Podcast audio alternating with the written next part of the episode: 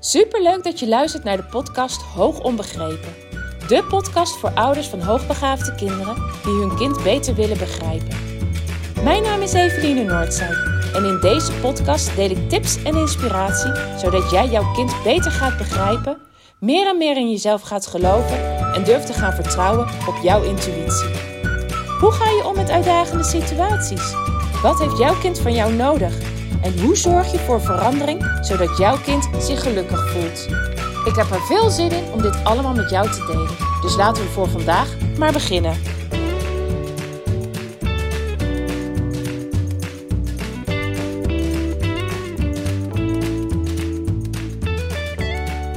Ha, lieve luisteraars. Fijn dat je er weer bij bent. Ik ga het met je vandaag hebben over de post die ik gisteren plaatste op Instagram en op mijn Facebookpagina. Misschien heb je het wel gezien als je mij al daar volgt. Misschien volg je me nog niet. Nou, dat kan. Ik zal uh, de linken naar Instagram en uh, de Facebookpagina ook even in de beschrijving van de podcast uh, zetten. Mocht je me daar willen volgen, dan is het een kwestie van op de link drukken. Maar ik plaatste daar gisteren een filmpje van twee minuten. Twee minuten waarin ik het had over de gevolgen voor begaafde en hoogbegaafde kinderen wanneer ze niet voldoende gezien, gehoord en begrepen worden. En ik zei daar ook in dat filmpje: het gaat me niet om dat dat een keer gebeurt. Het gaat er niet om dat dat is een aantal weken, ja, dat er wat minder oog voor is. Daar heb ik het niet over. Want ja, dat is vervelend voor een kind.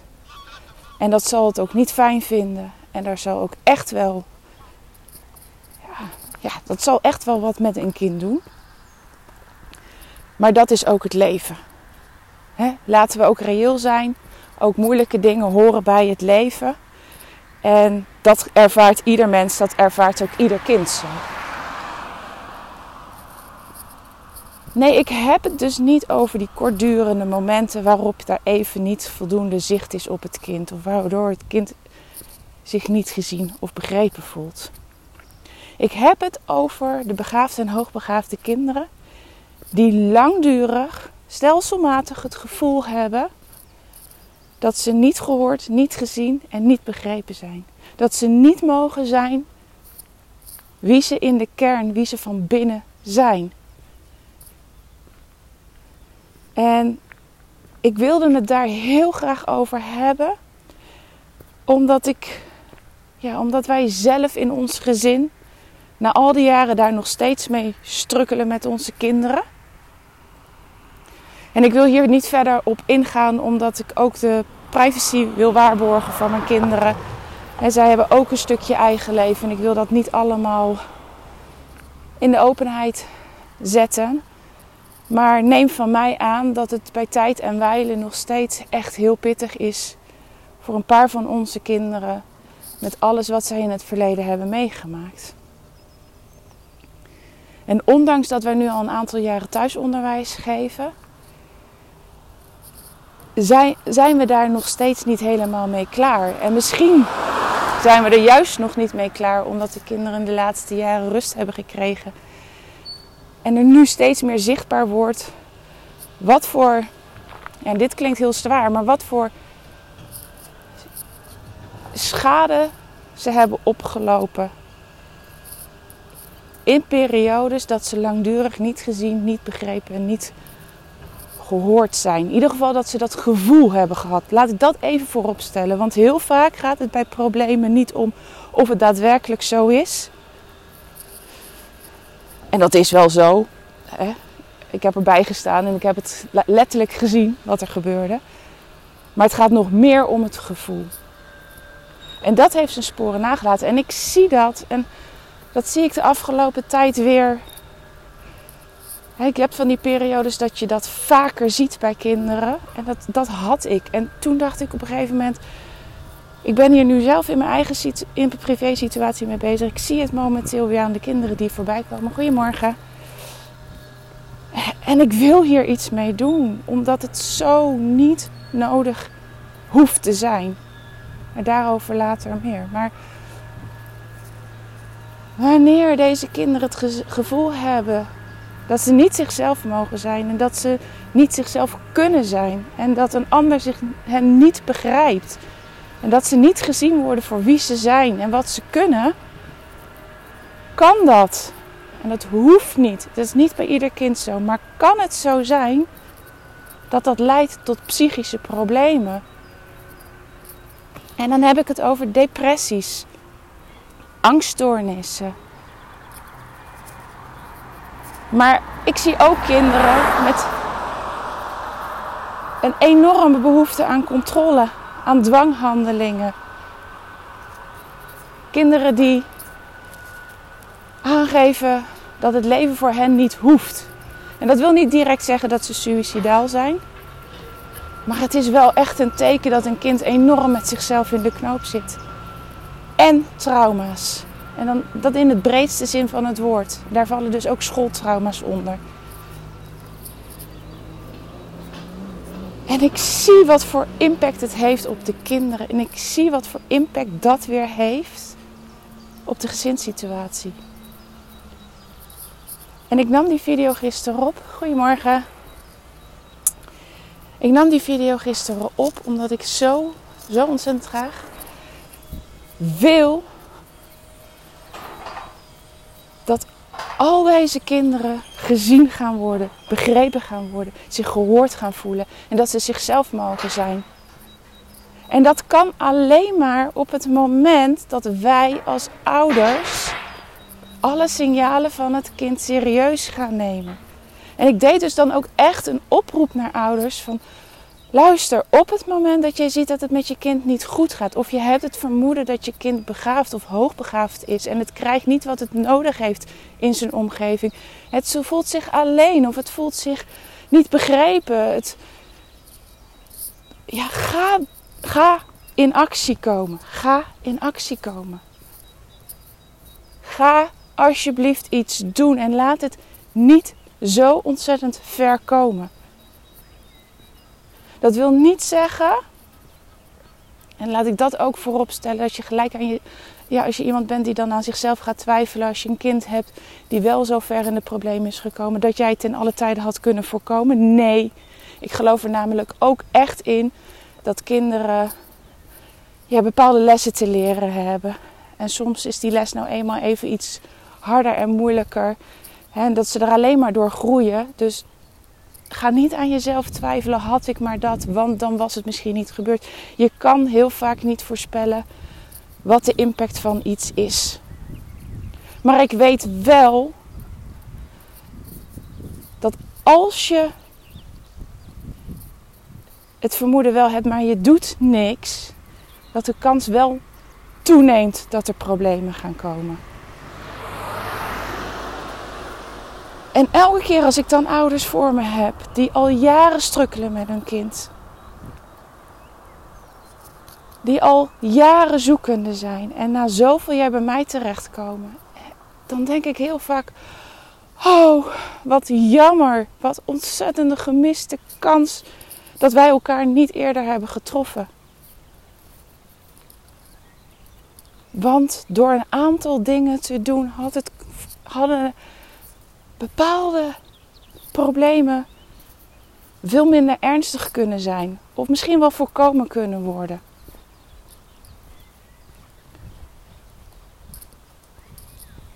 En dat wil niet zeggen dat deze ouders heel vaak niks gedaan hebben. Heel vaak hebben deze ouders echt wel eens hulp gezocht. Maar heel vaak is die hulp in de reguliere uh, zorg die vraag gesteld. Heel vaak is het in de zorg, ja, in de geestelijke gezondheidszorg, hè, bij psychologen, bij uh, psychologenpraktijken die hulp gevraagd. Die algemeen opgeleid zijn en niet zo gespecialiseerd zijn in begaafd en hoogbegaafd begaafde kinderen. En die echt hun best hebben gedaan. Want ik, ik, ben, ik ben de laatste die wil zeggen dat iemand het niet goed heeft gedaan. Ik ga er altijd van uit dat iedereen de beste intenties heeft. Maar de uitwerking is niet altijd even goed. En als ik dan, en dat is wat ik heel vaak hoor. heel vaak hoor ik dan van ouders: ja, maar ze zijn echt wel met het kind aan de slag gegaan. En dan denk ik: ja, maar je bent symptomen aan het bestrijden geweest, maar je bent niet bezig geweest. En je is geen aanval op die ouder, maar uh, de psycholoog die je trof of de hulpverlener die je trof, is niet bezig geweest met het aanpakken van de kern van de problemen. Die is met de gevolgen aan de slag gegaan. En ja, dat kan enigszins effect hebben. Ik zal niet zeggen dat je nooit met een kind zelf aan de slag moet gaan. Maar het is behoorlijk dweilen met de kraan open op het moment dat je met het kind aan de slag gaat, maar vergeet dat de omgeving de veroorzaker van de problemen is. Dus net zoals dat je een alcoholist laat afkicken, niet aanpakt wat de reden is dat hij aan de drank is en hem vervolgens weer in de omgeving neerzet waarin er rijkelijk drank vloeit. Het kan niet anders dan terugvallen. dus op het moment, en ik spoor je echt aan, als je ziet dat het niet goed gaat met je kind, als je denkt een kind is begaafd of hoogbegaafd, ik denk dat ik het in die hoek moet zoeken, Twijfel niet langer. Ga actie ondernemen en ga zorgen dat je terechtkomt bij iemand die hier ook echt kennis en verstand van heeft. En ga voelen, en vooral voelen, ga voelen of die persoon jou verder kan helpen. Want heb je geen goed gevoel bij die persoon, ook al heeft hij al zoveel kennis en zoveel ervaring met hoogbegaafdheid, ga er niet mee in zee. Ga zorgen dat je iemand treft die, ja, waar je echt vertrouwen in hebt. En die alles met je wil uitkomen. En als eerste die omgeving wil aanpakken. En ik heb het dan, als ik het heb over de omgeving, eigenlijk altijd in eerste instantie over de schoolomgeving. Maar vlak ook de omgeving van je, van je eigen gezin niet uit. ik, ik, ben hier niet bezig om je een schuldgevoel aan te praten. Ik, ik weet dat wij als ouders al streng genoeg voor onszelf zijn. Maar ook daar valt heel vaak nog een heleboel te veranderen. Een heleboel winst te behalen. En besef je, als je dat als je je kind echt echt wil helpen, dat je ook met jezelf aan de bak zal moeten gaan. En nou ja, ik, ik hoop dat ik nog goed te verstaan ben, want ik loop nu net ergens waar de wind behoorlijk op komt zetten.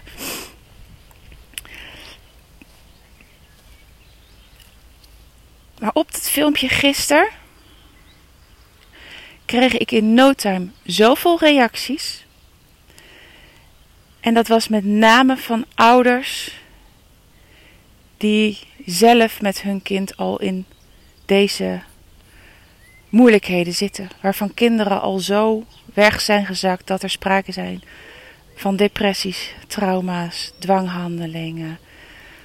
Ehm, die, die herkenden zich daar enorm in. En ik vond het heel fijn om, om die reacties zo terug te krijgen. Dat ik daarmee echt een vinger op de gevoelige plek heb gelegd. In die zin dat dit echt waar is, dat dit echt bestaat, dat dit echt er kan zijn. En één ouder schreef mij ook van, joh, ik, ik ben heel blij dat je dit deelt. Want af en toe vraag ik mij af, is het echt zo? Of maak ik van iets wat er niet is een probleem? Nee, dit bestaat echt. Er zijn echt hoogbegaafde kinderen die door een niet passende, goede omgeving, niet de juiste begeleiding in de problemen raakt. En ook voor deze kinderen geldt dat goede begeleiding ook dan nog nodig is, in welke vorm dan ook. En, en, luister je dit nou en kan je helemaal beamen omdat je zelf inmiddels hebt ervaren wat het met je kind heeft gedaan en dat je inderdaad ziet dat er psychische problemen zijn, Neem gerust vrijblijvend contact met me op. Ik ga met je meedenken over de volgende stappen die gezet kunnen worden. Want dat is wat ik wil. Ik wil gewoon dat deze kinderen hier sterker uitkomen. Dat ze, hè, we kunnen het niet meer wegnemen waar ze tegenaan zijn gelopen. En misschien is het ook echt nodig geweest voor hun ontwikkeling. Al ik het soms echt heel pijnlijk vind om te zien waar mijn eigen kinderen doorheen moeten gaan. Maar ze kunnen hier sterker uitkomen. Maar wel ook dan met de juiste begeleiding en met de, met de juiste ondersteuning. En als je je nou afvraagt wat jij zelf kan doen, zowel als je als het niet goed met je kind gaat, maar je nog niet zo ver bent dat, dat je echt kan spreken van psychische problemen, of als jouw kind daar wel mee te dealen heeft, blijf als ouder alsjeblieft in verbinding met je kind.